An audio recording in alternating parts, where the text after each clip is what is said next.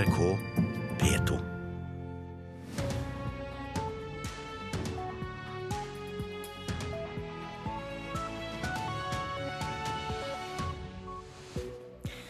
Velkommen til Nyhetsmorgen. Klokka er 6.30 i studio. Anne Jetlund Hansen, dette er hovedsakene våre. Var feiring i Hellas i natt. Det venstreradikale partiet Sirisa vant valget, men greide ikke å få flertall alene. Norge vil hjelpe Den afrikanske union med å bekjempe islamistgruppen Boko Haram i Nigeria. Og flere og flere barn bor annenhver uke hos mor og annenhver hos far når foreldrene skiller seg. Hvilke konsekvenser får det for barna? De vil tilpasse seg den ordningen foreldrene lager for det. Spørsmålet er på hvilken bekostning, da. Det sier psykolog Anne Katrine Brøndmo. Ja, det venstreradikale partiet Sirisa ble i går valgets store vinner i Hellas. Det var lenge knyttet spenning til om partiet skulle klare å få et absolutt flertall, men de mangler to parlamentsseter for å kunne styre Hellas alene. Det la likevel ingen demper på nattens feiring i Aten.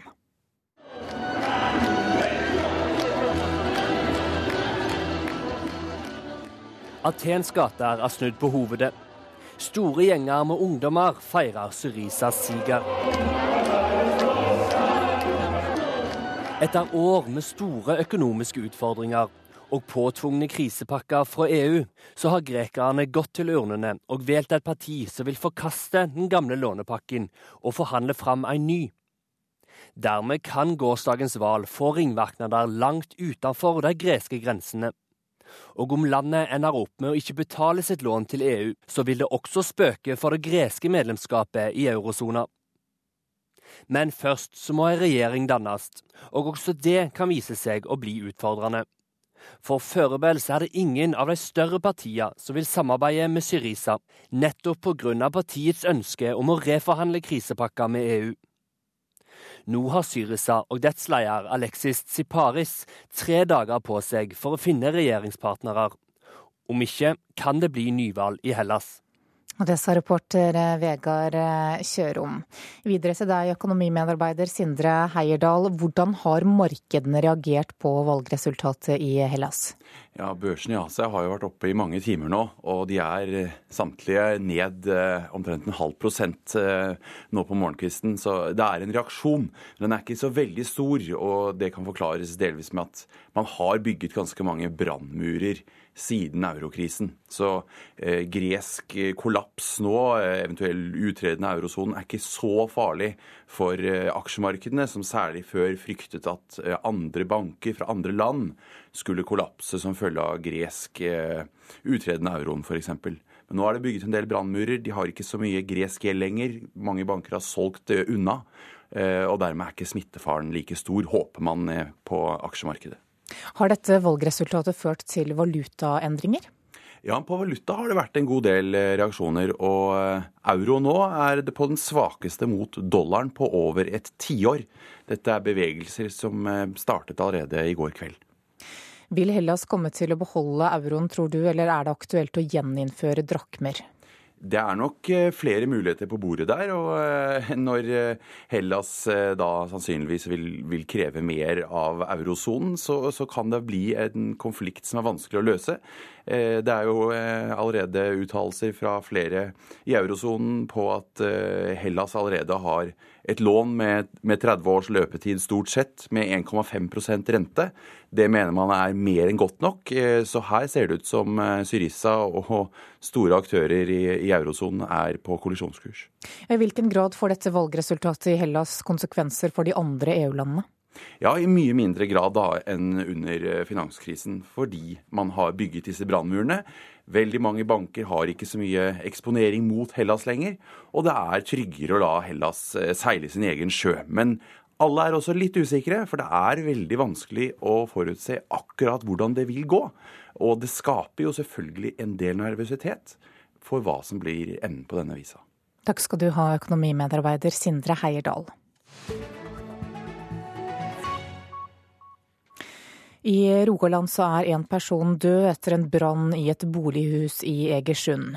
Nødetatene fikk melding om brannen ved 3.30-tiden i natt. Huset var overtent og slukking ble iverksatt ifølge politiet.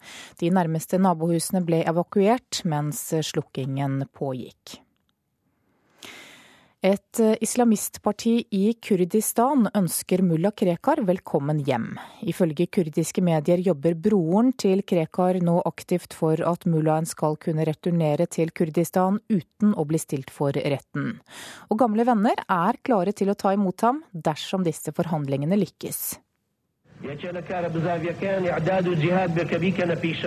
Mulla Krekar egger til væpna jihad i et gammelt videoklipp fra Irak. Nå sier et av de største islamske partiene i Kurdistan at de gladelig tar imot Krekar hvis han vil komme tilbake. Ifølge en talsperson for partiet forhandler Krekars bror med selvstyremyndighetene. Et generelt trekk ved, ved, den staten er at uh, det går an å forhandle seg fram til mye rart, så lenge man har måte, de rette kontaktene. Sier Kurdistan-kjenner Erlend Påske ved Prio.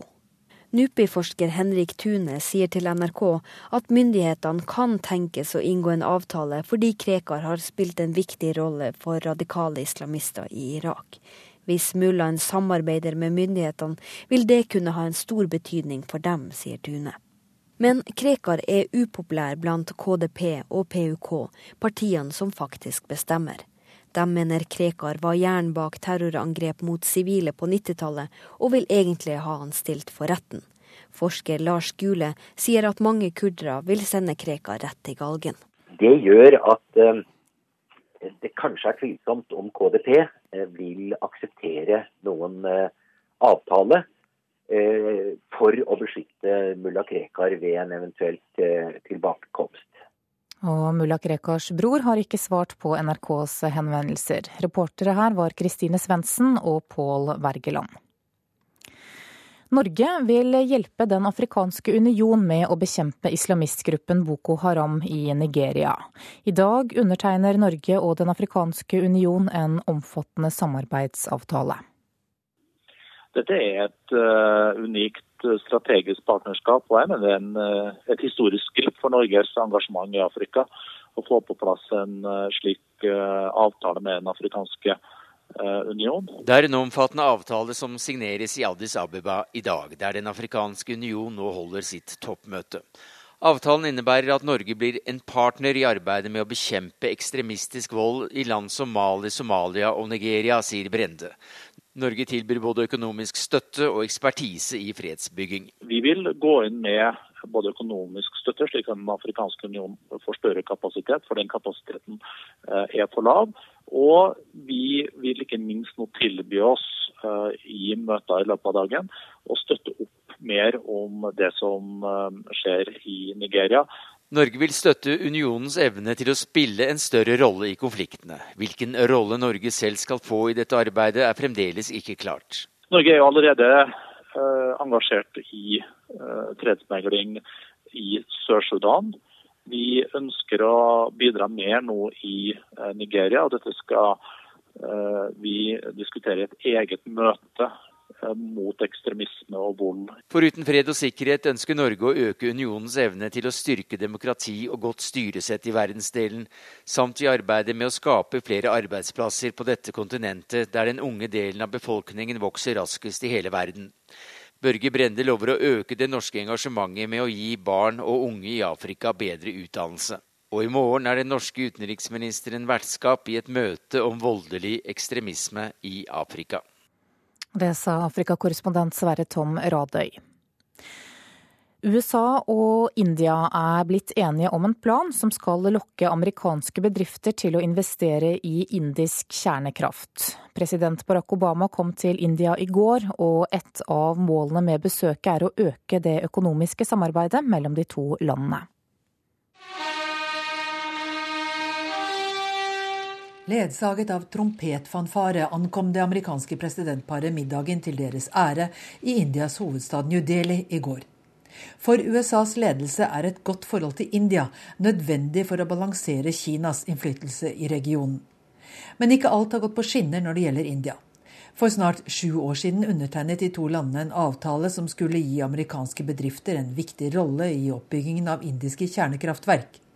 Men i 2010 vedtok India en lov som gjør leverandørene av design og teknologi til kraftverkene ansvarlig i tilfelle ulykker. India nekter å trekke loven, men nå er USA og India blitt enige om en forsikringsordning som skal omgå problemet. Uh,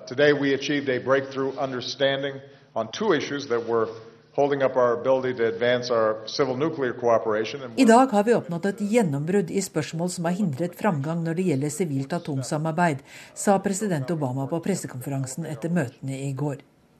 De to landene skal også samarbeide når det gjelder utnyttelse av solenergi.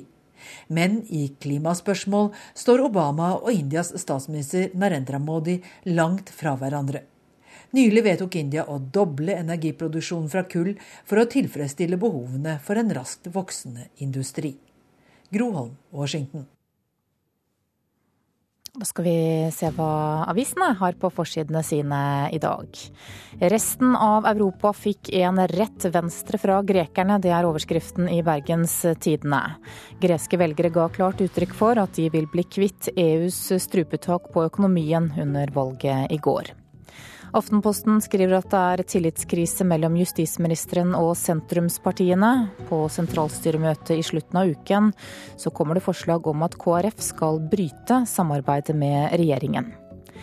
Dagbladet har fått gjennomført en undersøkelse blant 500 Frp-velgere om hvordan de vurderer partiets statsråder.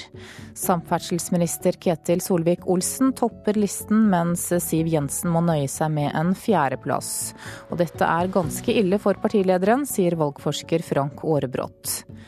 Mens Dagsavisen skriver at arbeidsminister Robert Eriksson inviteres til en realitetssjekk ved Domus i hjembygda Verdal, der flere tusen vil streike mot endringene i arbeidsmiljøloven.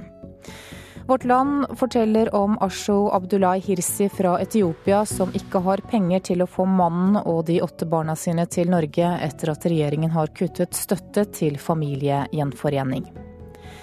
Byggebransjen er skeptisk til forslaget om økte krav til bruk av tre i norske bygg. Sammen med innblanding av trevirke i bensin, så skal dette være med på å gi skognæringen en ny start. Men byggebransjen mener at norsk tre er for dyrt, og advarer i Nasjonen i dag mot at det kan gi høyere boligpriser. Dagens Næringsliv forteller at investor Peter Warren slåss for livsverket sitt. Han mener at forvaltningsselskapet han har bygd opp er tatt fra ham med makt, og at han er utsatt for en drittpakke. Finansavisen skriver at norske fondssparere ikke aner hva de betaler til fondsforvaltere. Norske aksjefond skjuler fem milliarder kroner i kostnader, ifølge avisen. Klassekampen forteller at ordføreren i Stavanger møter en kald skulder til forslaget om sammenslåing med nabokommunene. Stor-Stavanger ville vært en katastrofe for oss alle, sier ordføreren i Sandnes. Og VG har møtt sønnen til atomfysiker Werner Heisenberg, som er en av de sentrale skikkelsene i serien Kampen om tungtvannet, og han sier at faren hans aldri ville bygget en atombombe. Skal vi ha sport her i Nyhetsmorgen. Om noen få timer tar fotballspiller Martin Ødegaard farvel med Strømsgodset. I formiddag så holder Strømsgodset og Ødegaard selv en pressekonferanse som blir det siste 16-åringen gjør for drammenserne før overgangen til Real Madrid. Rune Martinsen har jobbet for klubben siden 1986 og blir av mange kalt mister Strømsgodset. Og han mener at dagen i dag blir følelsesladet. Vi kommer jo til å savne Martin. og Han har jo vært på, på Sitthuset på Gullskogen og på Marienlyst hver eneste dag nå i, i, mange år. Eh, samtidig så er vi veldig stolte og eh, til og med litt rørt over at, eh, at en av våre skal få en sånn eh, mulighet. Det er bare, det bare stas. Det sier Rune Martinsen, som i dag jobber som markedssjef i Strømsgodset, om det som skal skje i dag. Litt uvirkelig egentlig at jeg sitter her og er klar for eh, største klubben i verden. Det... For med de ordene fra Martin Ødegaard på torsdag, så var det ikke lenger noen tvil om at ungguttens tid i Drammen gikk mot slutten. Rune Martinsen har hatt forskjellige roller i Strømsgodset siden 1986, og mister Strømsgodset mener at salget til Real Madrid Madrid er et av høydepunktene i hans tid i klubben. Vi har vunnet noen cupmesterskap og vi vant uh, seriegull i 2013. Men å selge en av våre egne til Real Madrid, det, det har ingen norsk fotballklubb uh, klart tidligere. Og selvfølgelig heller ikke vi, da. Så, så dette er veldig, veldig spesielt. Det er det. Og Martinsen sparer ikke på lykkeønskningene. Jeg tror hele Drammen ønsker Martin all lykke, både på og utafor banen i, i, de kommende åra. Vi, vi, bare unner han alt vel, han fortjener dette her. Han eh, er så ivrig, han er så iherdig, han er så fin eh, fyr. Han eh, får til dette, og vi, hele byen står bak en Hele Fotball-Norge står bak Martin. Og Martinsen han har en liten drøm om at etter mange suksessfulle år i Madrid, så får vi se Ødegaard spille ball i hatt med motstanderne på Marienlyst igjen. Det er jo drømmen, at han skal vende tilbake til Drammen eh, når, eh, når den eh, tid måtte komme. Vi ønsker selvfølgelig at han kommer tilbake i marineblått en gang. Ja, denne pressekonferansen starter klokka ti i formiddag, og den kan du følge direkte fra klokka 9.45 på nrk.no. Reporter her, det var Henrik Agledal. Nå hører du på Nyhetsmorgen. Klokka er 6.46, og dette er hovedsakene våre. Det venstreradikale partiet Sirisa vant valget i Hellas, men greide ikke å få flertall alene. Nå har de tre dager på seg til å danne regjering. USA og India fjerner hinder for samarbeid om kjernekraft. Og følg oss videre. Folk er lei av nettavisenes lokkesaker, og det får konsekvenser. Det mener generalsekretæren i Norsk Presseforbund. Det blir mer og mer vanlig at barn bor annenhver uke hos mor og annenhver uke hos far når foreldrene skiller lag. I 2002 så valgte 8% av par som gikk fra hverandre å dele omsorgen likt. I 2012 var andelen økt til 25% For at det skal gå bra med barna, så kreves det mye av foreldrene, det mener psykolog. Barn er ekstremt lojale mot foreldrene sine, og de er ekstremt tilpasningsdyktige. De vil tilpasse seg den ordningen foreldrene lager for det. Ehm, spørsmålet er på hvilken bekostning da. de tilpasser seg. Anne Katrine Brønnemo har lang erfaring som psykolog, mekler og sakkyndig i barnefordelingssaker. Og ordningen flere og flere foreldre velger, er delt omsorg. I 2002 svarte 8% av skilte foreldre at de delte på omsorgen. Ti år etter, i 2012, svarer 25% at de har tilnærmet delt omsorg av barnet. Ja, det er riktig. Altså når vi spør foreldre som bor hver for seg, så er det nå 25% som sier at de har delt omsorg for barna. Så det har vært en ganske kraftig økning på uh, ganske kort tid. Det sier Hege Kitterød ved Institutt for samfunnsforskning. Og lignende mønster ser man jo i mange andre land. Og årsaken er nok at fedre er mye mer involvert i barna mens de bor sammen med de, enn de var før. Jeg tenker at begge foreldre har mye eierskap i barna sine, og har også investert mye tid i barna sine, og ønsker å ha mye tid med barna sine, selv om det er brudd. da. Men om det er bra for barna, som er lojale og ekstremt tilpasningsdyktige, det vet man ikke sikkert. Tidligere, da, når man har prøvd å gjøre studier av hvordan det går med barn, eh, ettersom hvilke ordninger de har, så ser man jo at Eh, det går veldig bra med de barna som har delt bosted. Men man vet jo ikke om det er bostedsordningen i seg selv, eller om det er det at dette har vært ofte spesielle grupper av foreldre. Da. Så det har vært kanskje foreldre med spesielt mye ressurser og foreldre med lite konflikter som har valgt den type ordninger. Så, så det er vel ikke ordningen i seg selv, det er vel mer at dette er foreldregrupper som samarbeider godt. Nå når flere og flere sier at de deler på omsorgen, kan det slå både positivt og negativt ut for den nye generasjonen av barn med skilte foreldre, tror hun. Positivt fordi alle vet mer om hva som skal til Jeg tror at folk er, er, mer oppegående på det. Jeg tenker Skolene legger ut informasjon om det. Man vet mye mer i dag enn man visste for 20 år siden. Så det, så det i seg selv gjør jo at folk er mer informert. Og det vi sannsynligvis vet mer om, er at foreldrene må samarbeide godt og mye. og De må bo i nærheten av hverandre. Kommunikasjonen må være åpen, og overgangen fra den ene til den andre må gå fint. Og hvis man velger 50-50 og man ikke har det, så tenker jeg det vil ha konsekvenser for barna. Hva slags konsekvenser da? Eh, det er eh, forskning som viser at barn eh, som står i konflikter mellom foreldre, vil over tid ha en mye høyere grad av å utvikle psykiske vansker når de, blir, når de blir eldre. Selv om delt omsorg er mer og mer vanlig, er det viktig å ha barnet i fokus, sier Brøndmo. Det er vel like mange historier som det er barn tenker jeg.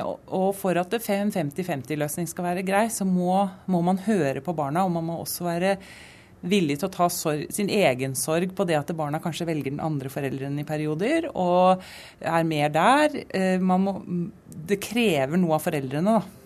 Det krever en viss innsikt av foreldrene.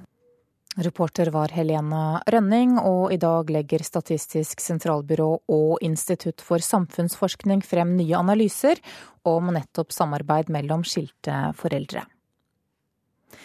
Døvblinde skal få et eh, bedre tilbud om tolk for å kunne komme seg mer i aktivitet. Det lover arbeids- og sosialminister Robert Eriksson. For tre år siden så ble tolketilbudet til døvblinde kraftig redusert. Uh, sitt. Sånn, ja. Bli. Berit Øie skal på tur i lysløypa der hun bor i Halden og går med førerhund. Hun er en av 350 registrerte døvblinde i Norge, og har en sykdom med medfødt tunghørthet og et syn som etter hvert forsvant. Det blir fin her ute. Dermed har hun rett på spesialtolk som formidler informasjon om omgivelser og mennesker hun møter, med fingrene på ryggen hennes eller i hendene. Eh, her på, på lysløypa så begynner jeg å bli kjent. Men uh, plutselig så kan det dukke opp noen folk, uh, bli stående og prate, eller uh, det kommer noe som skjer i lysløypa. Da skulle jeg gjerne hatt noen som kunne fortalt hva som skjedde. Inntil for tre år siden fikk de døvblinde lettere ja til å få med tolk på fysiske aktiviteter, som for eksempel trening eller turer. Dette ble innskjerpet i 2012, da en ny regel kom som sa at tolk primært skal tilbys i situasjoner som handler om kommunikasjon, ikke praktisk veiledning eller aktiviteter. Det har gjort at mange døvblinde har blitt mindre aktive, sier leder av Landsforbundet for døvblinde, Åshild Johansen. Altså per i dag er det veldig, veldig lite som blir brukt til fysiske aktiviteter. Statsråden med ansvar for de døvblindes tolker, arbeids- og sosialminister Robert Eriksson, har vært svært engasjert i de døvblindes situasjon. For det første så har jeg stor forståelse for at de døvblinde etterlyser det. Eh, jeg har forståelse for at de døvblinde trenger bedre tolker og flere tolker til å bli med seg ut for å få de riktige opplevelsene når man er ute på aktivitet. I fjor ga Robert Eriksson beskjed om at Nav skulle praktisere reglene romslig, og at det skulle innvilges tolker til fysiske aktiviteter, så sant det var tolker å oppdrive. Men slik har det altså ikke blitt, skal vi tro de døvblindes organisasjoner. I morgen har arbeids- og sosialministeren invitert de døvblindes organisasjoner til et samtalemøte. Der lover han å rydde opp. Eh, jeg har vært klar og tydelig allerede også våren i 2014 på at Nav skal praktisere regelverket på samme måte som det var før 1.7.2012. Altså ha en lempelig praksis som sørger for at når det er ledige tolker tilgjengelig, så kan man bruke de tolkene eh, for at, eh, til de fritidsaktivitetene og gi de gode opplevelsene. Hvis ikke det blir fulgt opp på en god måte, ja, så må vi jo sørge for at det blir fulgt opp på en bedre måte enn det som er tilfellet i dag. Wagner, hold retning. Bra. Flink gutt. Berit Øie har fått tolk til turen vi er med på. Hvis ikke det var planlagt et intervju, ville hun ikke fått det. Nei, det hadde jeg ikke. I reglene som Nav praktiserer, står det altså klart og tydelig at det må være kommunikasjon som er hovedformålet, ikke aktiviteten, som i seg selv krever mye tolking for en døvblind. Arbeids- og sosialminister Robert Eriksson varsler en mulig regelendring. Jeg er beredt til å se videre på om man trenger justeringer i det rundskrivet for at det skal komme tydeligere frem at ledige tolker også skal brukes for de døvblinde når man er ute på, på fritidsaktiviteter. Reporter her, det var Lars Håkon Pedersen. 2015 vil bli året der vi lesere slutter å klikke på nettavisenes såkalte lokkesaker. Det tror generalsekretær Kjersti Løken Stavrum i Norsk Presseforbund. Hun tror at leserne begynner å bli lei av saker som ikke holder hva de lover. Da nettavisene var nye, så, så, var det jo nettopp dette med litt luretitler som, som mange nettaviser etablerte seg gjennom. Og så ble man lei av det, og så ble mediene også lei av seg selv, tror jeg. Men i lengre tid har generalsekretær i Norsk Presseforbund Kjersti Løken Stavrum sett at eh, lokkesaka har vendt tilbake i norske nettaviser. Saka framstår gjerne mer spektakulære enn de viser seg å være, og har forsidetitler som Se, dette har aldri skjedd før, og Når han drar opp buksebeina skjer det som vil sjokkere alle. Forbildet er den amerikanske nettsida BuzzFeed, som med denne typen saker har blitt en av verdens største nettsida. Når veldig mange har eh, lært seg å kjenne de grepene, så, så blir de jo lei av det. Eh, I hvert fall hvis de er blitt lurt, eh, og at selve saken har underlevert. Så, så er det klart at man blir irritert på avsenderen. Som en kritikk av lokkejournalistikken har det nå oppstått flere nettsider som gjør narr av den. Nettstedet slikogderfor.no og Twitterkontoen Ikke klikk er eksempler på dette. Nå tror Løken Stavrum at folk vil slutte å klikke på denne typen lokkejournalistikk. Det tror jeg. Jeg tror i hvert fall det er, det er tydelig at, uh, at, noen av de titlene er blitt brukt allerede nå så mange ganger at, uh, at de er blitt en, mer en sånn uh, ironi i på snakket i sosiale medier. Mindre lokkejournalistikk vil ikke være medieforsker Rune Ottosen imot. Han mener media må passe seg for å lokke publikum til noe de ikke kan leve opp til redaksjonelt. Så er det klart at det utfordrer troverdigheten, for da føler jo publikum seg lurt. Hvis de går inn på en uh, sak uh, som de er lokket inn på på falske premisser, da er jo det selvfølgelig bekymringsfullt. Bussit.no er avisa Nordlys sin satsing på å lage saker som skal deles mye i sosiale medier. Sida er et av de norske nettstedene som tydeligst har latt seg inspirere av amerikanske BuzzFeed. Redaktør Dan Granat ser ikke noe problem med å lokke leseren, og mener dette er noe alle medier egentlig driver med. Jeg, jeg det er vanskelig å dra en grense der man kan kalle noe for en en locköverskrift og ikke. Alltså det, överskriften skal jo locka til intresse hos läsaren og vilje at den går inn og leser en sak, oavsett. Reportere her, det var Torkil Torsvik og Runa Rød. Da skal vi se på et værvarsel som gjelder til midnatt. Fjellet i Sør-Norge kan vente seg vestlig frisk bris i dag. Liten kuling utsatte steder i Langfjella, enkelte snøbyger i vest, ellers delvis skyet opphold. Østlandet sørlig bris, liten kuling på kysten. Snø og sludd, regn nær kysten. Lite eller ingen nedbør i Oppland og nordlige deler av Buskerud. Fra i ettermiddag nordvestlig bris, til dels pent vær, først i vest og lokal tåke. Vest-Agder, Aust-Agder og Telemark sørvestlig bris. Litt regn. Fra i formiddag vestlig bris. Liten kuling på kysten vest for Lindesnes. I kveld dreiende nordvestlig. Enkelte regnbyger vest i Agder, ellers lettskyet oppholdsvær. Vestlandet sør for Stad vestlig frisk bris, sørvestlig stiv kuling ved Stad. Fra i ettermiddag nordvestlig opp til liten kuling. Regnbyger, etter hvert snøbyger i indre og høyere strøk. Fra i ettermiddag utrygt for torden. Møre og Romsdal og Trøndelag sørvestlig periodevis stiv kuling. Regnbyger, snøbyger i indre og høyere strøk. Stort sett opphold i indre strøk av Sør-Trøndelag. Nordland kan vente seg sørvestlig periodevis stiv kuling på kysten i dag. Snøbyger i ytre strøk, regnbyger. Troms sørlig stiv kuling utsatte steder. Tidlig på dagen kortvarig sterk kuling. Snø og snøfokk, i ytre strøk til dels regn. I ettermiddag minkende til sørlig liten kuling og stort sett oppholdsvær. Finnmark må belage seg på sørlig liten kuling i dag. Forbigående liten storm utsatte steder i vest, i ettermiddag også i øst. Snø som brer seg østover, i kveld opphold i vest. Og på Nordensjøland på Spitsbergen er det ventet østlig sterk kuling og stort sett oppholdsvær og ellers snøfokk. Så tar vi med temperaturene som ble målt klokka fire. Da hadde Svalbard lufthavn minus seks grader, Kirkenes minus 14, Vardø minus fire, Alta minus tre, Tromsø null, Bodø fire, Trondheim 3, Molde 5, Bergen 7, Stavanger 6, Kristiansand 4, Gardermoen minus 3, Lillehammer minus 8, Røros minus 5 og Oslo-Blindern 1 plussgrad klokka 4. NRK P2.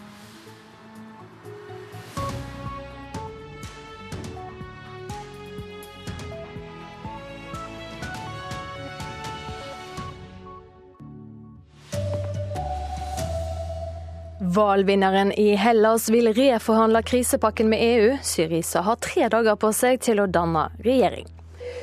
Og Sentralstyret i KrF skal diskutere et forslag om å bryte samarbeidet med regjeringa. Her er NRK Dagsnytt klokka sju. Det venstreradikale Syriza har vunnet valget i Hellas, men får ikke flertall i nasjonalforsamlinga.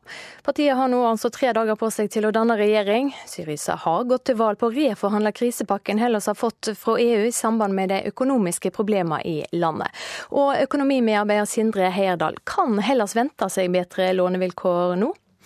Det kan bli vanskelig. Særlig når det gjelder å få ettergitt gjeld, at de skal få redusert gjelden sin til eh, de andre eurolandene, så kan det bli veldig tøft. Vi ser allerede uttalelser bl.a. fra David Cameron og en rekke tyskere som tyder på at uh, her er det lite å gi. Og De viser bl.a. til at uh, grekerne på store deler av gjelden bare betaler 1,5 rente i dag, med 30 års løpetid. Men når det gjelder litt endringer i lånevilkårene, så kan det kanskje være litt å gå på. Eh, det blir spennende å følge det. Hvordan har markedene reagert på valgresultatet? På valuta så har det vært ganske klare utslag. Euroen er nå på sitt svakeste mot dollaren på elleve år. Men eh, på børsene er det litt ned i Asia i morges pga. Hellas, men det er ikke veldig kraftig foreløpig. Takk skal du ha, Sindre Heierdal. Og det blir mer om valget i Hellas straks i Nyhetsmorgen på P2. Sentralstyret i Kristelig Folkeparti skal diskutere et forslag om å bryte samarbeidet med regjeringa. Det skriver Aftenposten i dag. Asylbarnsaka er noe av det som har provosert grasrota i både KrF og Venstre. Allerede på KrF sitt sentralstyremøte i slutten av uka kommer fylkesleder i Nordland KrF Per Pedersen til å fremme forslag om at partiet bør avslutte samarbeidet med regjeringa. Pedersen, som også sitter i sentralstyret, sier til Aftenposten at partiet bør innse at regjeringa har brutt samarbeidsavtalen, og at KrF derfor er fristilt. Det er spesielt justisministeren sin håndtering av asylbarnavtalen som provoserer fylkesledere i både KrF og Venstre. Aftenposten skriver at svært mange av dem betegner tilliten til Anundsen som tynnslitt. Leder for KrF i Oppland, Morten Halling, og Per Pedersen i Nordland mener justisministeren bør gå av. Det sa Eva Marie Bulai. I USA avlyser flyselskapet United alle flygingene til de store flyplassene i New York i morgen, fordi det er venta uvær med kraftige snøbyger. Det melder CNN. Borgermesteren i byen sier snøstormen kan bli den verste i New York noensinne. NRK Dagsnytt, Silje Sande. Klokka er 7.03 og Nyhetsmorgen fortsetter med disse sakene. I Hellas har altså det venstreradikale partiet Sirisa tre dager på seg til å danne regjering etter at de vant valget, men ikke greide å få et flertall alene. Ansatte i Vegvesenet må bruke stikksikre vester etter at medarbeidere ble angrepet med kniv under en rutinekontroll. Landbruksministeren sier at det er mer optimisme blant bøndene, og at kritikerne tok feil da de advarte mot Fremskrittspartiets politikk. Hun misbruker tallene, svarer Senterpartiet. Men først til Hellas, for der starter nå arbeidet med å danne regjering etter at det venstreradikale partiet Sirisa vant valget i går. Partiet har vokst seg stort på sin EU-motstand, og i natt så kunne partileder Alexis Tsiparis motta hyllesten fra sine tilhengere i Aten.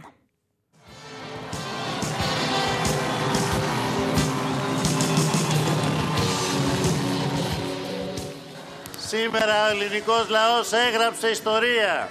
Η ελπίδα έγραψε ιστορία. I dag har det greske folket skrevet historie. Håpet har skrevet historie. Det sier partilederen for Syriza, mens han står framfor en stor tilhengerskare med handa i været. Han veit med seg sjøl at nærmest halve landet støtter hans politikk. men likevel står han framfor store politiske utfordringer de neste tre dagene.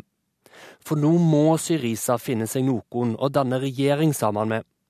Noe som kan bli vanskelig, siden få andre partier er enige med Syriza sitt ønske om å reforhandle Hellas' krisepakke med EU. Men akkurat i natt tok Siparis seg først tid til å feire den solide valgsigeren til Syriza i Hellas. Ja, reporter her, det var eh, Vegard eh, Kjørom. Nå skal vi direkte til Aten, for der er europakorrespondent Åse Marit eh, Befring. Og hvordan har grekerne feiret i natt? Ja, i, natt har folk kjørt rundt i gatene. De har hatt vimpler ut av bilvinduene. De har tutet og bærtet og de har danset. og Det har vært veldig stor feiring, spesielt da selvfølgelig utenfor Sirisas hovedkvarter. Der hadde de stengt av et helt kvartal der folk spilte høyere musikk og, og feste til langt på natt. Slik at uh, dette her var et resultat, uh, eller i hvert fall det at de vant, var noe som de virkelig hadde drømt om. Hvilke forventninger har folk som du har snakket med til dette valgresultatet?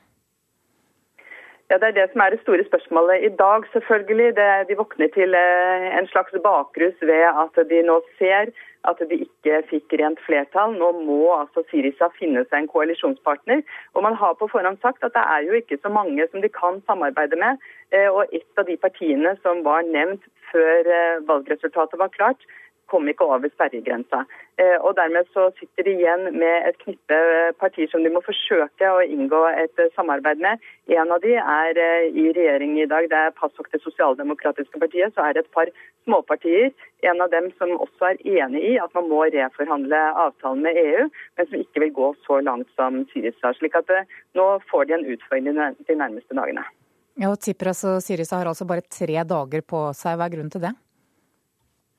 Ja, Det er det greske systemet som sier at de får tre dager for å klare å finne en koalisjonspartner, for å klare å få en stabil regjering. Hvis ikke de klarer det i løpet av tre dager, så går det videre da til det nest største partiet, som i dette tilfellet da er Nytt demokrati, regjeringspartiet til eh, da eh, statsminister Samaras.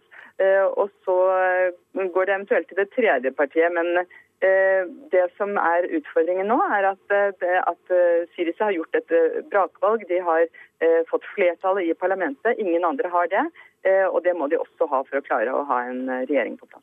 Så ser vi at det høyreekstreme partiet Gyllent daggry altså ble det tredje største partiet i dette valget og ligger an til 17 eller 18 mandater i nasjonalforsamlingen. Hvordan er reaksjonene på det? Ja, Dette var et ventet resultat. Folk her i Hellas de har gått til ytterlighetene også i dette valget. Dette er et protestvalg. Eh, og Mange mener fortsatt at innvandringen er en trussel. Eh, men det man kan si er overraskende, er at så mange eh, stemmer på et parti der halvparten av lederne sitter fengslet i påvente av en rettssak fordi at de blir anklaget for å være en kriminell organisasjon. Og så er det snakk om et drap her. Slik at det er en alvorlig siktelse mot disse. Og at folk ikke bryr seg om det, kan vi kanskje være overrasket av, men her tror jeg veldig mange protesterer mot en vanskelig hverdag. Takk skal du ha, europakorrespondent Åse Marit Befring direkte med oss fra Aten. Og økonomiredaktør Ola Storeng i Aftenposten, god morgen. Ja, god morgen. Også hei fra Aten. Ja, du, ja, det var det jeg skulle si. Du er også med oss fra Aten, der du følger eh, valget. Hva er grunnen til at grekerne stemte som de gjorde, tror du? Det skyldes jo eh, dels, eh, eller først og fremst, at de stemte mot de gamle statsbærende partiene. Det var en en eh, skarp avstandstagen fra særlig eh, Nytt demokrati, som jo har hatt ansvaret for å gjennomføre de eh, sparetiltakene som, som EU og IMF har diktert. Og Sirisa har altså gått til valg på å reforhandle landets gjeld, og de vil også ha deler av gjelden slettet. Hva kan bli resultatet av det?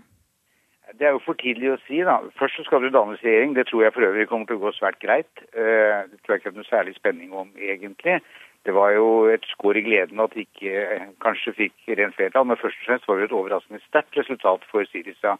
Og to av de greske partiene eh, har jo i løpet av natten egentlig åpnet døra for et eh, regjeringssamarbeid. Det gjelder Potami, det nye partiet, og det gjelder også utbryterne fra Nytt demokrati, som går under navnet Uavhengige grekere.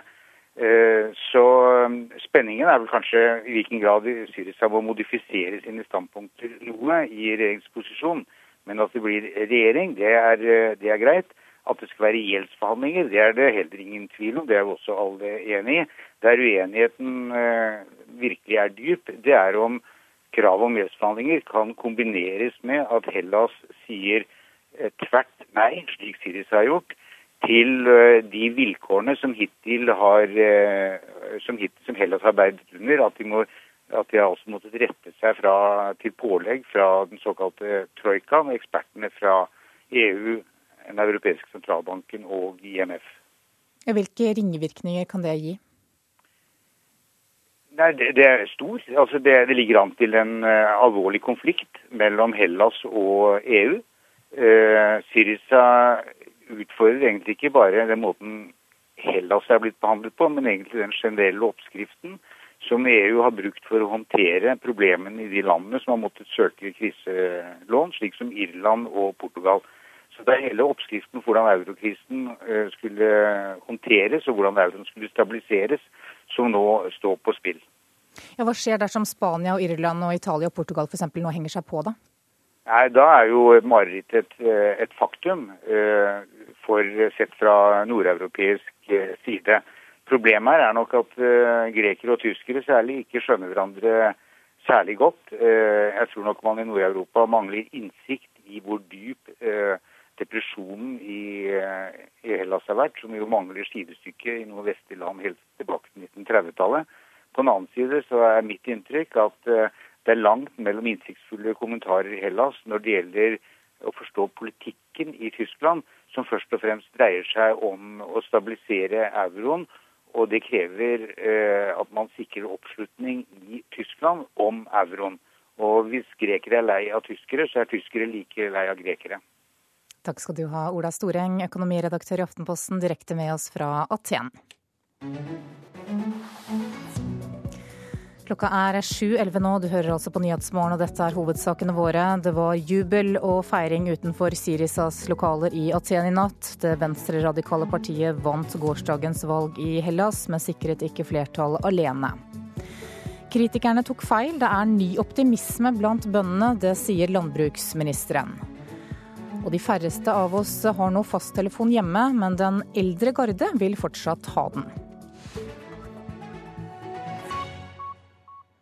Men nå skal vi høre at ansatte i Vegvesenet er eh, blitt pålagt å bruke stikksikker beskyttelsesvest når de driver kontroll langs veien. Foreløpig så er det kontrollører på Østlandet og i Midt-Norge som har fått beskjed om at det ikke holder med uniform og refleksvest. Ved kontrollstasjonen på Taraldrud sør for Oslo så er stikksikker vest blitt en selvfølge etter en svært alvorlig hendelse på sensommeren i fjor. Snow, snow chain for the tires. Ja, ja. How many? På kontrollstasjonen langs E6 ser Vegvesenets folk nærmere på svære lastebiler for å gjøre trafikken så trygg som mulig for oss alle. De sjekker lys, dekk, bremse og vekta på bilen. Og det var en sånn rutinekontroll som pågikk den dagen i august i fjor, forteller kontrollleder Åge Kristiansen. Da var det en lastebil som eh, kom på den samme måten som vi står nå, som ble veiet. Og den var for tung på den ene akslingen, så skulle ilegges et gebyr. Da klikka fullstendig. Ut, uten at noe var eh, sagt på forhånd eller gjort. Inne på kontrollstasjonen nå i januar.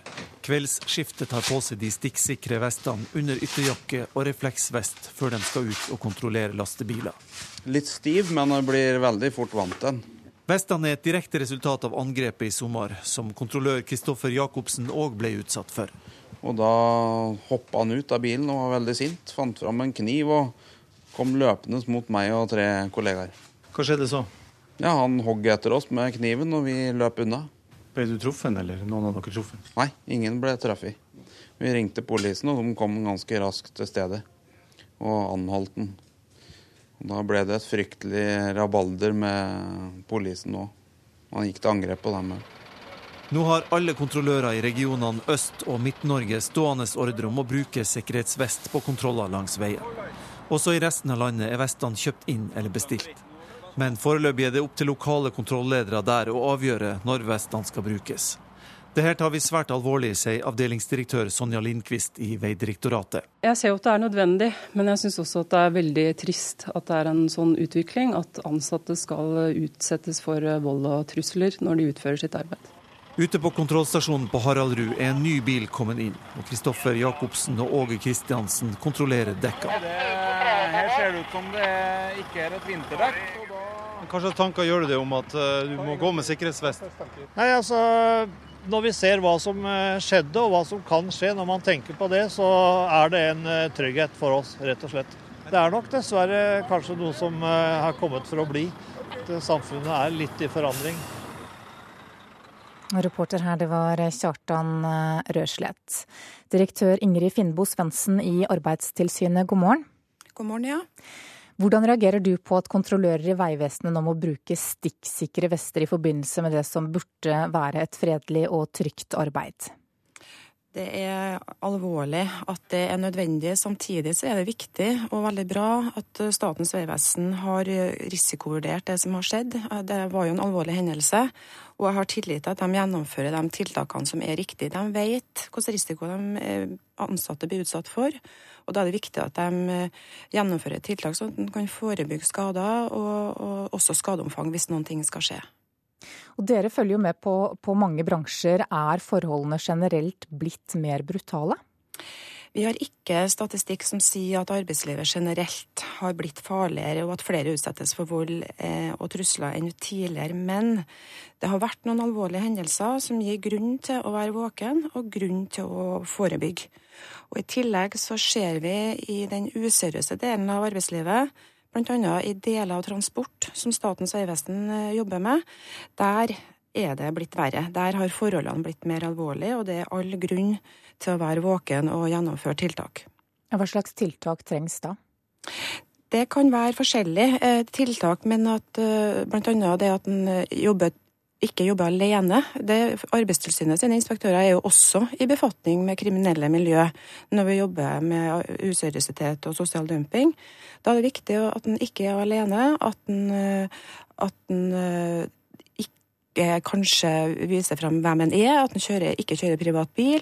Og i verste fall så er det også viktig å be politiet om bistand til å gjennomføre den jobben en skal gjøre. Ja, når er det kontrollørene i Arbeidstilsynet da bruker beskyttelsesvest? Det, er, det har faktisk hendt eh, at eh, også inspektørene i Arbeidstilsynet har brukt eh, skuddsikker vest og stikkvester, bl.a. innenfor tilsyn i restaurantbransjen. Men som regel, hvis vi oppfatter at risikoen er høy, så ber vi politiet om bistand. Kan du gi eksempler på slike situasjoner som er farlige for dere? Ja, eksempler er jo hvis vi gjennomfører tilsyn innenfor eh, der vi sier at det er useriøsitet. Og det kan være deler av restaurantbransjen.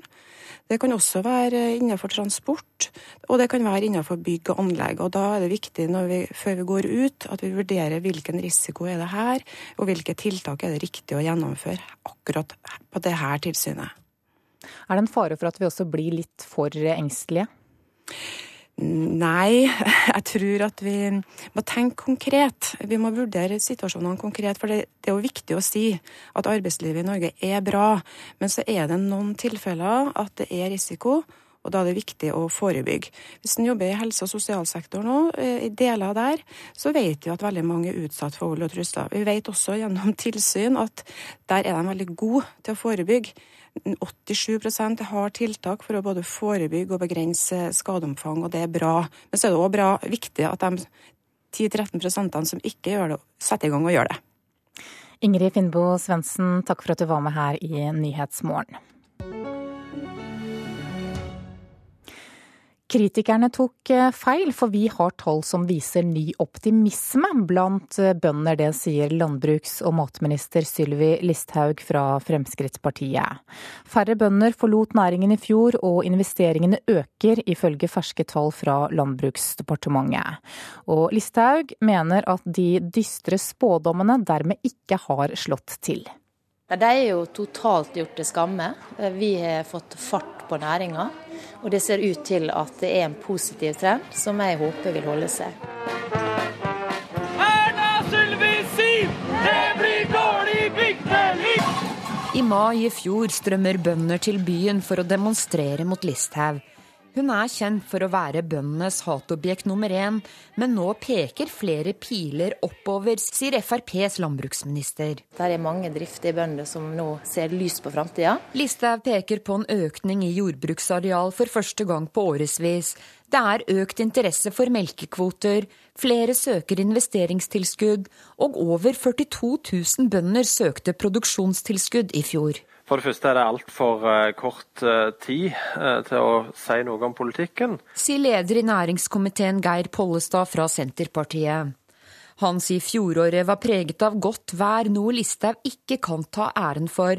Dessuten har KrF og Venstre holdt henne i ørene i Stortinget.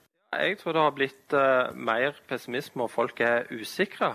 men de ser og finner en trøst i at Stortinget på stadig flere områder velger å, å gripe inn. Men så langt så er det egentlig ikke noen sterke bevis eller noen klar tendens du kan vise til at det er større pessimisme nå enn under en Senterparti-statsråd? Jeg tror det vi ser nå, det er konsekvensen av den eh, landbrukspolitikken som forrige regjeringa førte. Ja, de vil nok finne mange forklaringer på dette. Det som er i hvert fall er sikkert, er at pilene peker oppover. At det var bra år i, i fjor, det er helt sikkert. Bl.a. pga. været. Men han kan ikke forklare økning i melkekvote. Han kan ikke forklare det at eh, flere dyrker mer. Han kan ikke forklare det at færre bønder går ut av næringa. Han kan heller ikke forklare at det er økt investeringsvilje med noe annet enn at det er optimisme i næringa. Reporter her, det var eh, Line Tomter. Politisk redaktør Cato Nyquist i avisa Nasjonen, god morgen. Morgen, morgen. Hvordan syns du at norsk landbrukspolitikk har utviklet seg etter at Listhaug og Fremskrittspartiet overtok statsrådsstolen? Nei, det er jo bare å være uttrykke glede over at, eh, over at flere vil investere, og, og, og færre forlater næringa, i hvert fall. Og, øh, men det jeg holdt på å si er enig med Pollestad i, det er at det er litt for tidlig å, å dele ut øh, liksom, premie for, for, hvem som har vært best. Det er jo litt sånn at Politikerne er like flinke til å ta æren for ting som går bra, som de er til å skylde på øh, noen andre når det går dårlig. Men det er litt, litt tidlig å, å, å, si at de her tegnene på optimisme skyldes Listhaugs landbrukspolitikk. Ja, hvor lang tid trenger vi da? Eh, det vil vi se over tid, ikke sant. Eh, I, I, innslaget her så hørte vi ulike eksempler på positive utviklingstrekk fra 2013 til 2014. Og Listhaug tok jo over som landbruksminister i 2013, men det var jo, det var jo etter at forgjengeren eh, hennes, han Trygve Slagsvold Vedum, hadde skjerpet tollvernet og, og, og, lagt fram det dyreste jordbruksoppgjøret siden det såkalte opptrappingsvedtaket på 70-tallet. Så når eh, optimismen i næringa har økt i, i, 2014, så kan det like gjerne være snakk om en Trygve-effekt som en Listhaug-effekt. Og Man kan nesten spørre bøndene sjøl om hva som er, er årsakene. Ja, for Hvordan vurderer du disse tallene fra Landbruksdepartementet her? da? Stemmer det at det er mer optimisme? Eh, det kommer an på hvem du spør eh, i næringa. Eh, det er ikke noe tvil om at deler av landbruket ser på, på Listhaug-politikken som legger mer til rette for, for store bruk, med, med blidere øyne enn det, det bondeorganisasjonene skal ha det til. Det er klart at de som ønsker å satse og, og, og bli skikkelig stor, de ser nok flere muligheter med, med denne regjeringa enn den forrige. Og Samtidig så er det jo et stort paradoks. da. Det er jo de storbøndene som, som eh, da eventuelt eh, heier på Listhaug, som, er, som er, har mest nytte av den rød-grønne politikken med, med bedre tollvern. Det er jo de bøndene som har gjort de største investeringene, som har den største gjelda, som er mest avhengig av å oppnå gode priser. Så hørte vi Senterpartiet her som altså mener at det var været og ikke politikken som må ta æren for at fjoråret var et godt år for bøndene. Hva sier du til det? Det blir nok en litt sånn eh, enkel analyse. Jeg tror eh, Samtidig så skal vi ha respekt for at eh, det her med landbruk og landbrukspolitikk ikke minst er uhyre komplisert, og hvor, hvor det meste henger sammen med, med, med alt. Og hvis man får ja, Det er litt som vi snakka om innledningsvis. Jeg tror at man, eh, man, får eh, svarene først når man har sett en utvikling over tid. Eh, det er jo selvsagt sånn at forholdene for bøndene endrer seg i takt med, med, med været, men jeg tror, ikke de, jeg tror ikke de legger investeringsbeslutningene sine Jeg tror ikke de lar, lar været avgjøre det. Det, det. det henger sammen med forventninger til framtida. Cato Nyquist, redaktør, politisk redaktør i Avisa Nasjonen, takk for at du var med her i Nyhetsmorgen. Og Sylvi Listhaug møter Geir Pollestad fra Senterpartiet til debatt i Politisk kvarter klokka 7.45. Da skal vi se hva avisene har på forsidene sine i dag. Resten av Europa fikk en rett venstre fra grekerne. Det er overskriften i Bergens Tidende. Greske velgere ga altså klart uttrykk for at de vil bli kvitt EUs strupetak på økonomien under valget i går. Aftenposten forteller at det er tillitskrise mellom justisministeren og sentrumspartiene. På sentralstyremøtet i KrF i slutten av uken så kommer det forslag om at partiet skal bryte samarbeidet med regjeringen. Dagbladet har fått gjennomført en undersøkelse blant 500 Frp-velgere om hvordan de vurderer partiets statsråder. Samferdselsminister Ketil Solvik-Olsen topper listen, mens Siv Jensen må nøye seg med en fjerdeplass. Og dette er ganske ille for partilederen, sier valgforsker Frank Aarebrot. Mens Dagsavisen forteller at arbeidsminister Robert Eriksson inviteres til en realitetssjekk ved Domus i hjembygda Verdal, der flere tusen nå vil streike mot endringene i arbeidsmiljøloven. Vårt Land forteller om Asho Abdullah Hirsi fra Etiopia, som ikke har penger til å få mannen og de åtte barna sine til Norge, etter at regjeringen har kuttet støtten til familiegjenforening. Byggebransjen er skeptisk til forslaget om økte krav til bruk av tre i norske bygg. Dette skal være med på å gi skognæringen en ny start, men byggebransjen mener norsk tre er for dyrt, og advarer i Nasjonen i dag mot at det kan gi høyere boligpriser. Dagens Næringsliv forteller at investor Peter Warren slåss for livsverket sitt. Han eh, mener at forvaltningsselskapet han har bygd opp er tatt fra ham med makt, og at han er utsatt for en drittpakke. Finansavisen skriver at norske fondssparere ikke aner hva de betaler til fondsforvalterne. Norske aksjefond skjuler fem milliarder kroner i kostnader, ifølge avisen. Klassekampen forteller at ordføreren i Stavanger møter en kald skulder når det gjelder forslaget om sammenslåing med nabokommunene. Stor-Stavanger ville vært en katastrofe for oss alle, det sier ordføreren i Sandnes. Mens VG har møtt sønnen til atomfysiker Werner Heisenberg, som er en av de sentrale skikkelsene i serien Kampen om tungtvannet. Og han sier at faren hans aldri ville bygget en atombombe. Vi nordmenn sier opp fasttelefonen vår i raskt tempo. De siste årene har 90 000 av Telenors privatkunder sagt opp fasttelefonen hvert år. Men den eldre garde holder fortsatt fast på hjemmetelefonen. Jeg eh, bodde jo den gangen midt i Bergen, faktisk. Det var i 1966. Pensjonist Lars Hauge fikk sin første telefon på 60-tallet. Nummeret er fortsatt det samme, men apparatet er i dag lite brukt. Ja, som veldig mange andre, så er det klart at fasttelefon blir lite brukt i vår heim også. Tallet på nordmenn som har fasttelefon hjemme, går nedover i raskt tempo. Ved årtusenskiftet hadde Telenor vel to millioner privatabonnenter. I dag er det bare 400 000 igjen. For i dag er det denne lyden de fleste har et forhold til. Fram til 2011 så hadde vi et frafall på ca. 10% i året. De siste årene så har vi vært oppe i nesten 15% frafall per år. Det sier moderniseringsdirektør i Telenor, Arne Kvist Christensen. Bedre mobildekning gjør at nedgangen videre er ventet å skje i raskt tempo. Den nedgangen vi har sett de siste årene, tror vi kommer til å fortsette. Jeg har tenkt på det mange ganger. Det var jo ei kolossal utvikling. Lars Hauge begynte å jobbe i det som den gangen het Telegrafverket på 60-tallet. Da han ble pensjonist for noen år siden, var Telenor i Bergen arbeidsstedet. For han er det derfor rart, men også naturlig, å kvitte seg med fasttelefonen. Jeg har regna litt på det. Det blir grådig dyre samtaler hvis du betaler flere hundre kroner i måneden i avgift, og så bruker du ikke telefon. Da blir hver samtale dyr. Ja, Telenor planla å legge ned fasttelefonnettet i 2017, men nå lover de at alle skal få beholde fasttelefonen så lenge de ønsker. Reporter her, det var Siri Løken.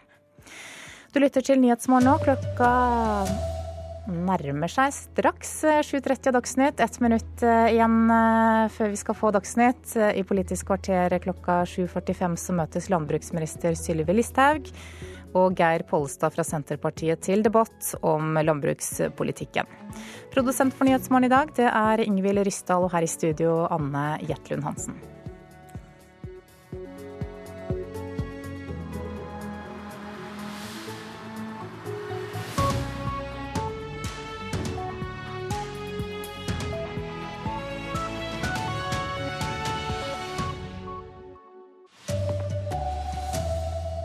Valgresultatet i Hellas kan sende landet ut i regjeringskrise. Vegvesenet sine kontrollører må ha stikksikre vester på seg under uniformen. Og flere og flere skilsmissebarn bor like mye hos mor og far. God morgen, her er NRK Dagsnytt klokka 7.30. Det venstreradikale partiet Sirisa er valgvinneren i Hellas, men i natt ble det klart at partiet ikke klarte å oppnå flertall alene. Det la likevel ingen demper på feiringa i Aten.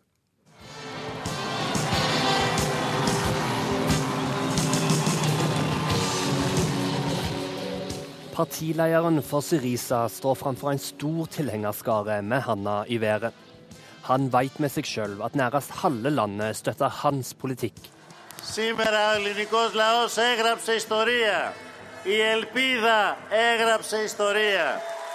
I dag har det greske folket skrevet historie.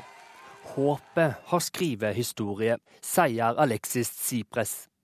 Han står nå framfor store politiske utfordringer de neste tre dagene. For nå må Syriza finne seg noen å danne regjering sammen med. Noe som kan bli vanskelig, siden få andre partier er enige med Syriza sitt ønske om å reforhandle Hellas i krisepakke med EU. Men akkurat i natt tok Sipres seg først tid til å feire den solide valgsigeren til Syriza i Hellas. Reporter her, Vegard Kjørhom. Og med meg nå er europakorrespondent Åse Marit Befring. Hva parti kan Syriza få med seg i regjeringa? Ja, Det er jo det som eh, vi vil kunne få svar på de nærmeste tre dagene. De har altså tre dager på seg på å forme en ny regjering. Eh, det er et par småpartier som er nevnt. Eh, Potami er et av det. De har selv sagt at, at de ikke ønsker å samarbeide med et, en, et parti som er anti-Europa, men er samtidig enig i at det er viktig å reforhandle disse avtalene som Hellas har med troikaen. Eh, og så er det en utbryter fra Nytt demokrati, det konservative partiet som eh, nå går ut av regjering. Eh, en utbrytergruppe som har dannet et nytt parti der, de har også antydet at det kan være aktuelt. Ellers så har også tidligere sosialdemokratiske, det sosialdemokratiske partiet PASOK vært nevnt. Men vi får se nå de nærmeste tre dagene, fordi det, de har bare tre dager på seg.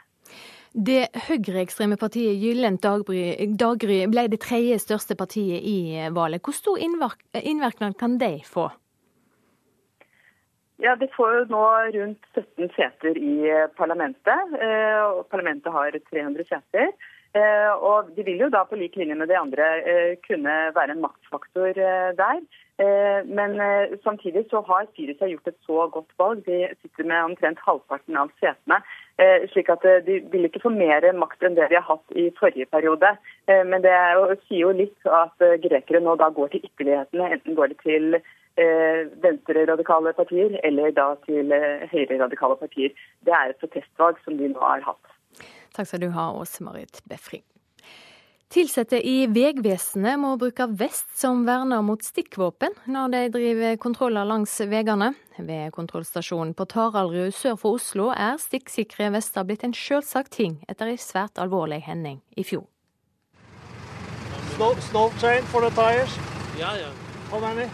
På kontrollstasjonen langs E6 ser Vegvesenets folk nærmere på svære lastebiler. Og det var en sånn rutinekontroll som pågikk den dagen i august i fjor forteller kontrollleder Åge Kristiansen. Da var det en lastebil som eh, kom på den samme måten som vi står nå, som ble veiet. Og den var for tung på den ene akslingen, så skulle ilegges et gebyr. Da klikka fullstendig. Det endte med at han hoppa ut av bilen og fant fram en kniv og Inne på kontrollstasjonen nå i januar. Kveldsskiftet tar på seg de stikksikre vestene under ytterjakke og refleksvest før de skal ut og kontrollere lastebiler. Litt stiv, men jeg blir veldig fort vant til den. Vestene er et direkte resultat av angrepet i sommer, som kontrollør Kristoffer Jacobsen òg ble utsatt for. Og Da hoppa han ut av bilen og var veldig sint. Fant fram en kniv og kom løpende mot meg og tre kollegaer. Hva skjedde så? Ja, Han hogg etter oss med kniven, og vi løp unna. Nå har alle kontrollører i regionene Øst- og Midt-Norge stående ordre om å bruke sikkerhetsvest på kontroller langs veien. Også i resten av landet er vestene kjøpt inn eller bestilt. Dette tar vi svært alvorlig, sier avdelingsdirektør Sonja Lindqvist i Vegdirektoratet. Jeg ser jo at det er nødvendig, men jeg syns også at det er veldig trist at det er en sånn utvikling at ansatte skal utsettes for vold og trusler når de utfører sitt arbeid. Reporter Kjartan Rørslett. Et islamistparti i Kurdistan ønsker mulla Krekar velkommen hjem. Ifølge kurdisk presse jobber broren til mullaen aktivt for at Krekar skal kunne returnere til Kurdistan uten å bli stilt for retten. Mulla Krekar egger til væpna jihad i et gammelt videoklipp fra Irak.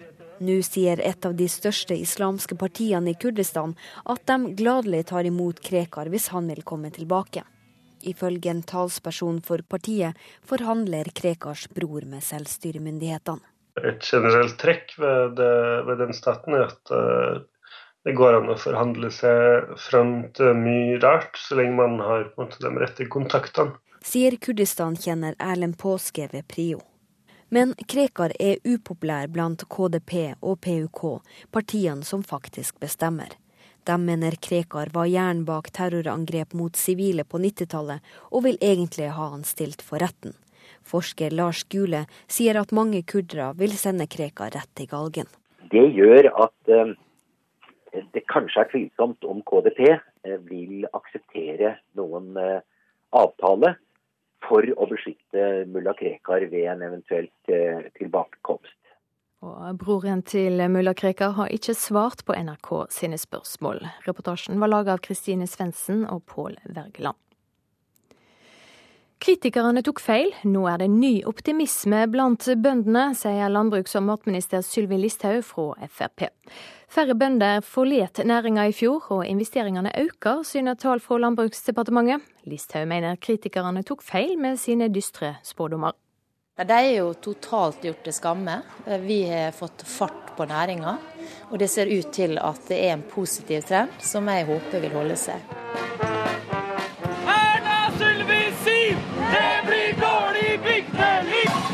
Mai i fjor strømmer bønder til byen for å demonstrere mot Listhaug. Hun er kjent for å være bøndenes hatobjekt nummer én, men nå peker flere piler oppover, sier FrPs landbruksminister. Det er mange driftige bønder som nå ser lyst på framtida. Listhaug peker på en økning i jordbruksareal for første gang på årevis. Det er økt interesse for melkekvoter, flere søker investeringstilskudd, og over 42 000 bønder søkte produksjonstilskudd i fjor. For det første er det altfor uh, kort uh, tid uh, til å si noe om politikken. Sier leder i næringskomiteen Geir Pollestad fra Senterpartiet. Han sier fjoråret var preget av godt vær, noe Listhaug ikke kan ta æren for. Dessuten har KrF og Venstre holdt henne i ørene i Stortinget. Listhaug misbruker disse tallene, for når en sier at Eh, produksjonsarealet har gått opp, ja, så er det rett. Men eh, det er ikke Listhaug sin ære. Han kan ikke forklare det at færre bønder går ut av næringa. Han kan heller ikke forklare at det er økt investeringsvilje med noe annet enn at det er optimisme i næringa. Sylvi Listhaug er gjest i Politisk kvarter, straks reporter Line Tomter. Det blir stadig vanligere at barn med skilde foreldre bor hos mor og far annenhver uke. For at det skal gå bra, kreves det mye av foreldre, sier psykolog Anne Katrine Brøndmo. Barn er ekstremt lojale mot foreldrene sine, og de er ekstremt tilpasningsdyktige. De vil tilpasse seg den ordningen foreldrene lager for dem. Eh, spørsmålet er på hvilken bekostning, da.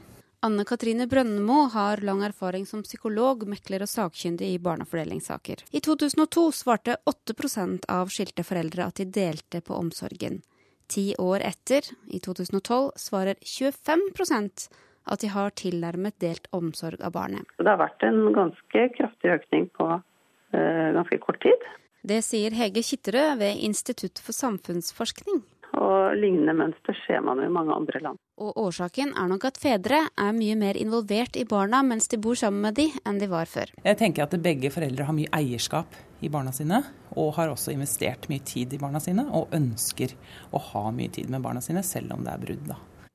Reporter Helena Rønning. I Rogaland har en person mista livet etter en brann i et bostadhus i Egersund i natt. Huset var overtent, og brannvesenet kom til staden. Ansvarlig for denne sendinga Gro Arneberg, teknisk ansvarlig Hanne Lunås, i studio Silje Sande.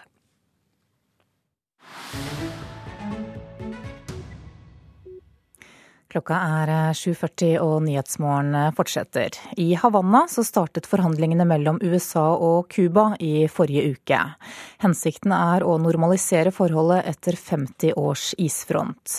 Men i Miami frykter eksilcubanere at USA ikke skal klare å demokratisere landet som de flyktet fra. USA-korrespondent Tove Bjørkås har møtt noen av dem. I en park i Miami står rundt 100 mennesker og synger den cubanske nasjonalsangen.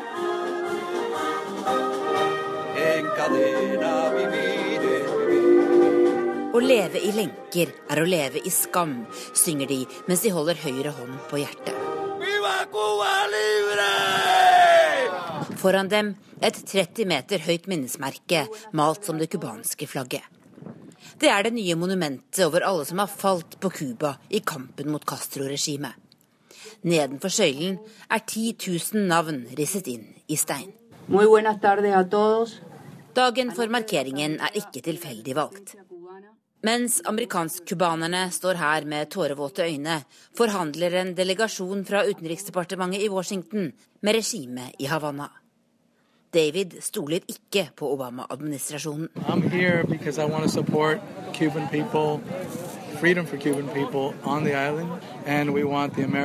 Jeg vil ikke ha noen slutt på handelsrestriksjonene før tyranniet på Cuba tar slutt og folk får stemmerett, sier han. Sjokkmeldingen president Obama kom med 17.12, har splittet det cubanske miljøet her i Miami. Mange unge er for en normalisering. Men de som er her i parken, er fulle av vanskelige følelser. For her bærer mange på sterke historier. Anna Margarita Martinez, f.eks. We were together for four years. We were married for one year. He was, um, you know, playing stepfather to my two children. En februardag i 1996 sa mannen hennes at han skulle på forretningsreise. Tre dager senere dukket han opp i Havanna der han i en TV-tale sverget troskap til Castro-regimet og nektet for at han hadde en kone i Miami. No no Juan Pablo Roques hadde vært pilot i det cubanske luftforsvaret før han flyktet til USA. Men nå viste det seg altså at han var cubansk spion. Yeah, it was, it was a, a shock, and I was very traumatized, and I suffered with post-traumatic stress disorder for a long time. Jeg har forflyttet meg noen kilometer inn til sentrum av Miami. Til lille Havanna, der salsa fra en sprengt høyttaler akkompagnerer eldre menn som sitter ved små bord og spiller domino. Her finner jeg også en kvinne en annen kvinne med en dramatisk historie.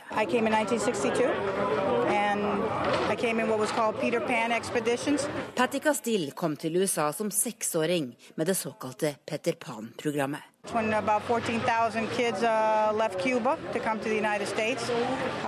000 uh, barn kom alene på 60-tallet med hjelp fra den katolske kirken. Foreldrene sendte dem fra seg fordi de hadde hørt at ungene skulle bli sendt til Sovjetunionen for indoktrinering forteller hun. Castille bodde hos en fosterfamilie i noen måneder før hun ble gjenforent med foreldrene. Hun husker det som om det skulle vært i går. Jeg husker hvordan det var å stå i lange køer på Cuba for å kjøpe mat. Og jeg husker første gang jeg kom inn på et amerikansk supermarked. Det var så mye mat, og du kunne ta på den sier hun. Hun er positiv til det president Obama har gjort, og håper det vil føre til at folk på Cuba får det gradvis bedre. Men hun forstår dem som er skeptiske også. Mange eldre cubanere her rømte en gang fra alt de eide. De vil se et fritt Cuba før USA opphever restriksjonene, sier Castille. Du lytter til Nyhetsmorgen og klokka er 7.44. Dette er hovedsakene våre. I Hellas har det venstreradikale partiet Sirisa tre dager på seg til å danne regjering. Ansatte i Vegvesenet er nå pålagt å bruke stikksikker beskyttelsesvest når de driver kontroll langs veien. Og et islamistparti i Kurdistan ønsker mulla Krekar velkommen hjem. Nå er det klart for Politisk kvarter med Bjørn Myklebust.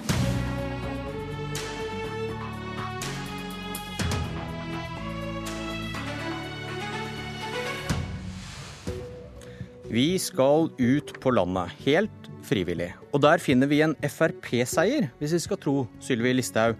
Ferske tall beviser at norsk jordbruk lever, til tross for rød-grønne dommedagsprofetier.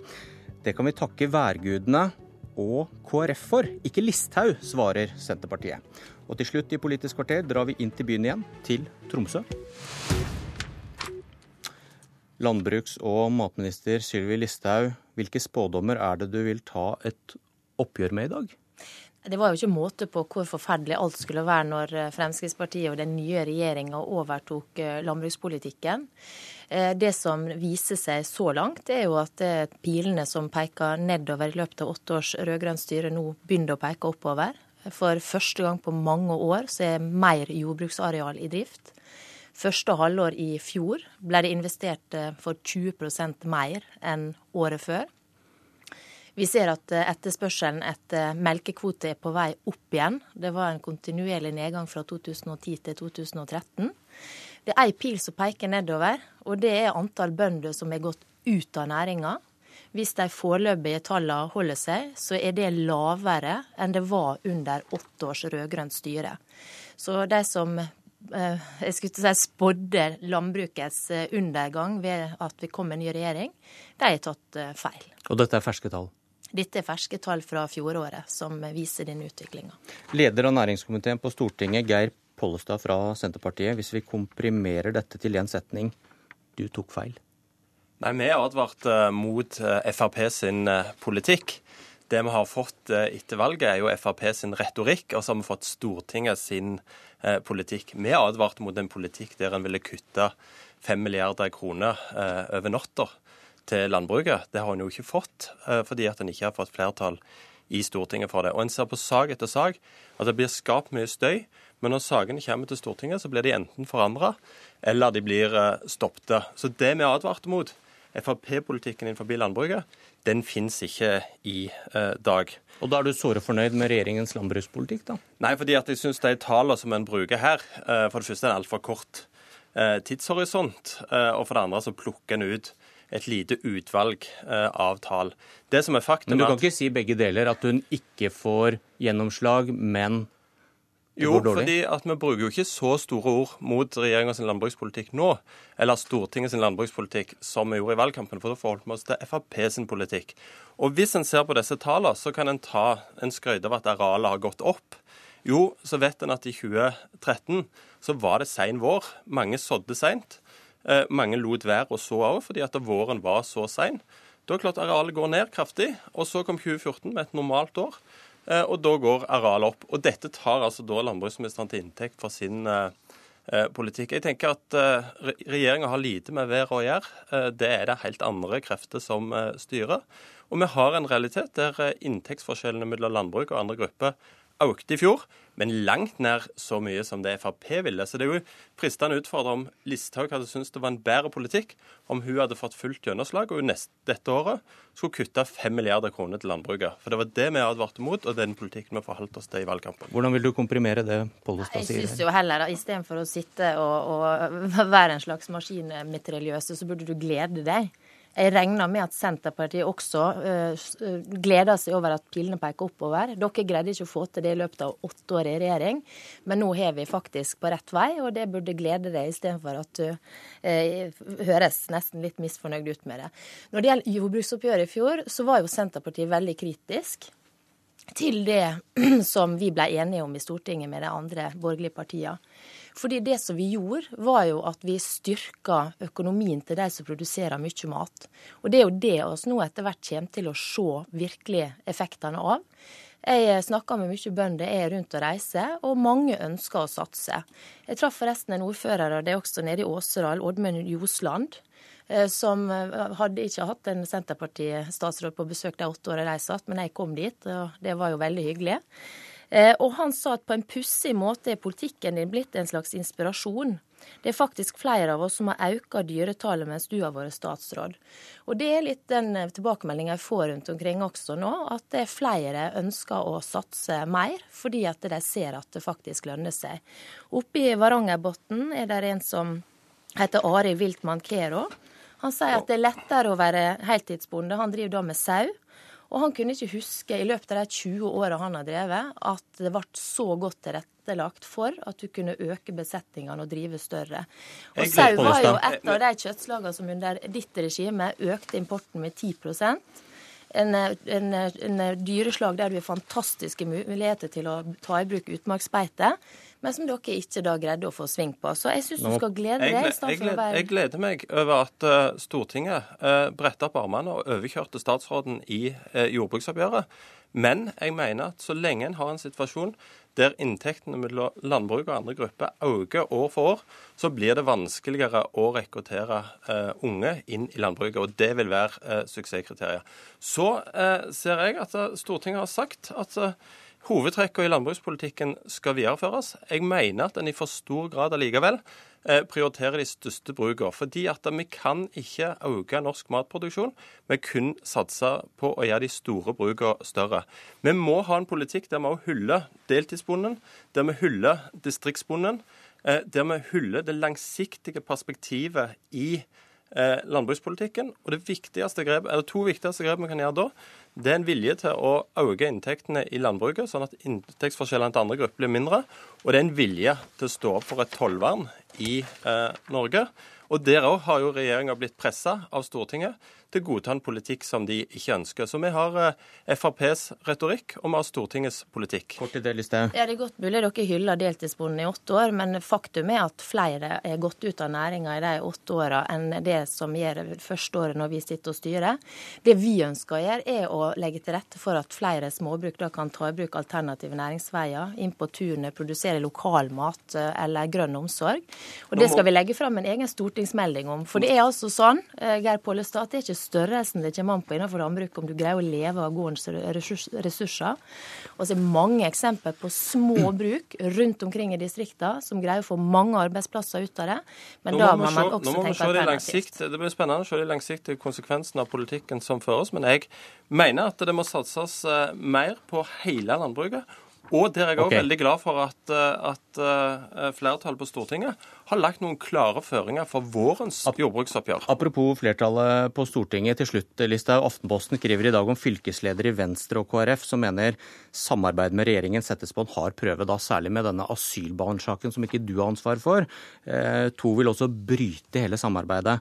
Men noen har også nevnt landbruksoppgjøret som en av sakene som har skadet dette samarbeidet. og hva tror du en slik stemning der ute vil bety for din mulighet til å få igjennom mer Frp-politikk i Stortinget? Nei, Vi har fått til gode løsninger sammen, de fire partiene før. Det skal vi gjøre igjen. Jeg er glad for at vi fikk til de viktigste grepene som regjeringa var opptatt av i jordbruksoppgjøret. Forenklinger og det å stimulere de som produserer mye mat, og gi dem rettferdighet gjennom at de får bedre betalt for det. Og så skal vi finne gode løsninger også framover. Så skal Stortinget ta ansvar for å sørge for at vi får en politikk som gjør at vi kan øke matproduksjonen i hele landet. Og det, det håper jeg vi okay. gjør mer enn gjerne gjør, selv om vi må overkjøre statsråden nok en gang. Det er vi i gang med. Men nå syns jeg du skal glede deg istedenfor å være så Det virker nesten som du er litt sånn sur fordi at det går bra. Det må ikke du være. Og hvis, og, vi, og hvis du syns at disse to var uenige, vi skal til Tromsø Høyre.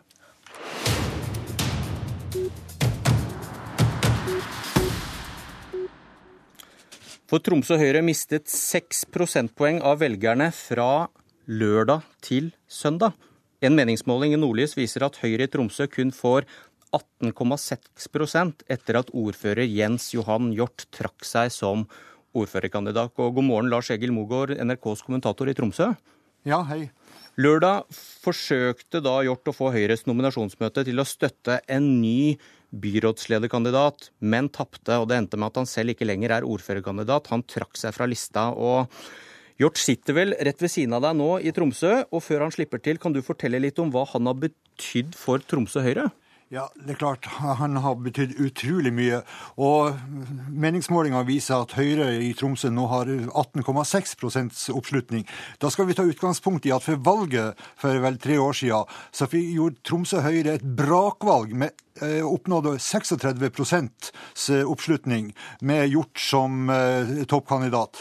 Han har hatt utrolig mye å si for Tromsø Høyre, og har jo vært en mange vil sikkert mene en god ordfører for byen og kommunen i løpet av disse årene. Og nå er han altså ute etter et dramatisk møte som skjedde på lørdag. Hvorfor er han så populær? Han er jo en uh, folkelig mann. en som uh, ja, har, vært flink å representere og presentere byen på en god måte. Han har jo en stilling på lik linje med Fabian Stang i Oslo og Trude Drevland i, Oslo, i Bergen. Tromsø har jo byparlamentarisme, så ordføreren er jo en sånn flaggskip og en, en døråpner og en møteleder. Og, og han, han, har gjort, gjort, det godt, vil nok mange mene, og har hatt en veldig veldig sterk posisjon i, i Tromsø. God morgen, ordfører i Tromsø, Jens Johan Hjort. God morgen. Noen kaller det demokrati i vakker utfoldelse. Andre har kalt det du gjorde, et kuppforsøk. Hva var det du prøvde på? Nei, Det jeg prøvde på, var rett og slett å, eh, å, stille opp eh, det beste laget til eh, en utfordrende valgkamp. Og et lag som da ville kunne gå inn i en ny fireårsperiode å styre en, en, den viktige byen i Norge som Tromsø er. Og det, jeg vil bare understreke det at eh, det laget det var da etter min mening eh, slik at eh, Anne Berit Figenschou burde være på topp som frontfigur og lagleder, og at jeg da skulle være nummer to, og at nåværende byrådsleder Øyvind Hilmarsen skulle være nummer tre. Alle de tre er i, i min kabal viktige brikker, men i den rekkefølgen. Hvorfor ville du vrake han? Nei, Jeg ønsket å sette opp et uh, toppet lag. Og uh, Anne-Berit har kvalifikasjoner som uh, jeg mener at verken jeg eller Øyvind Hilmarsen har. I, I, samme monn. Hun er Så det har ikke noe med uenighet mellom dere to å gjøre at dere ikke går så godt sammen som noen, da, noen observatører hevder å vite? Nei, det, det, har det ikke. Og vi har eh, Lars Egil Mogård eh, hadde jo en veldig hyggelig analyse av hva som skjedde før valget sist. Eh, vi hadde en veldig vellykket valgkamp. Samarbeidet utrolig godt. Og gjorde det beste valget i Høyre i Tromsø noensinne. Vi har også samarbeidet godt nå i posisjon. Men det er viktig for meg å, å komme med et uh, forslag om uh, det som jeg mener er det beste laget inn mot, uh, mot neste periode. Og nå ser du resultatene. Hva, hva syns du om målingen? Nei, Det syns jeg er veldig trist. Jeg, er du overrasket? Jeg, er, jeg er litt sjokkert over at dette har gitt seg så store utslag. Du har kanskje gitt Arbeiderpartiet seieren i symboltunge Tromsø? Nei, det tror jeg ikke. Jeg tror dette er høyst midlertidig.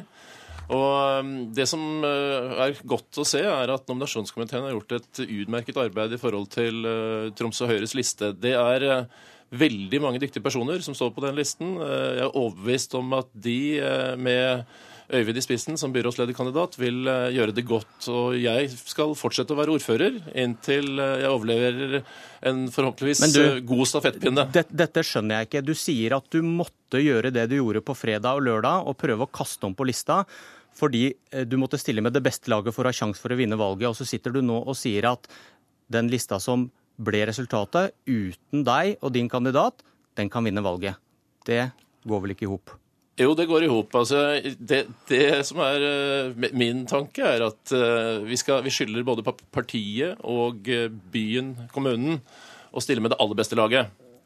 Eh, og jeg fremstilte Men det nest beste laget er godt nok? Ja, jeg mener at det nest beste laget er godt nok. I forhold til eh, våre utfordrere her i Tromsø, så mener jeg bestemt det. Og jeg vil gjøre mitt for at, eh, at nå det laget som, som, stilles opp, med en ny ordførerkandidat, som man helt sikkert kan finne en veldig dyktig kandidat, at, at de skal vinne valget. Jeg skal forholde meg lojalt til det. Jeg er Høyre-medlem.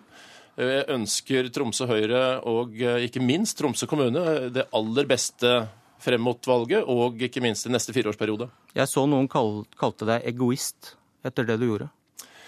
Ja, det ser jeg, og det syns jeg er litt trist. Eh, fordi eh, jeg har eh, Tromsø Høyre i, i tankene. Jeg, jeg, jeg, har jo da selv fra første posisjon foreslått meg ned på andre posisjon, så, så jeg klarer ikke helt å se det. Jeg, er opptatt av at vi skal stille beste lag, akkurat som Norge antagelig er opptatt av at vi skal stille det beste laget når vi kommer på ski til, til, til ski-VM i Falun. Ok, eh, takk skal du ha. Vi skal følge Tromsø. Dette var Politisk kvarter. Jeg heter Bjørn Myklebust.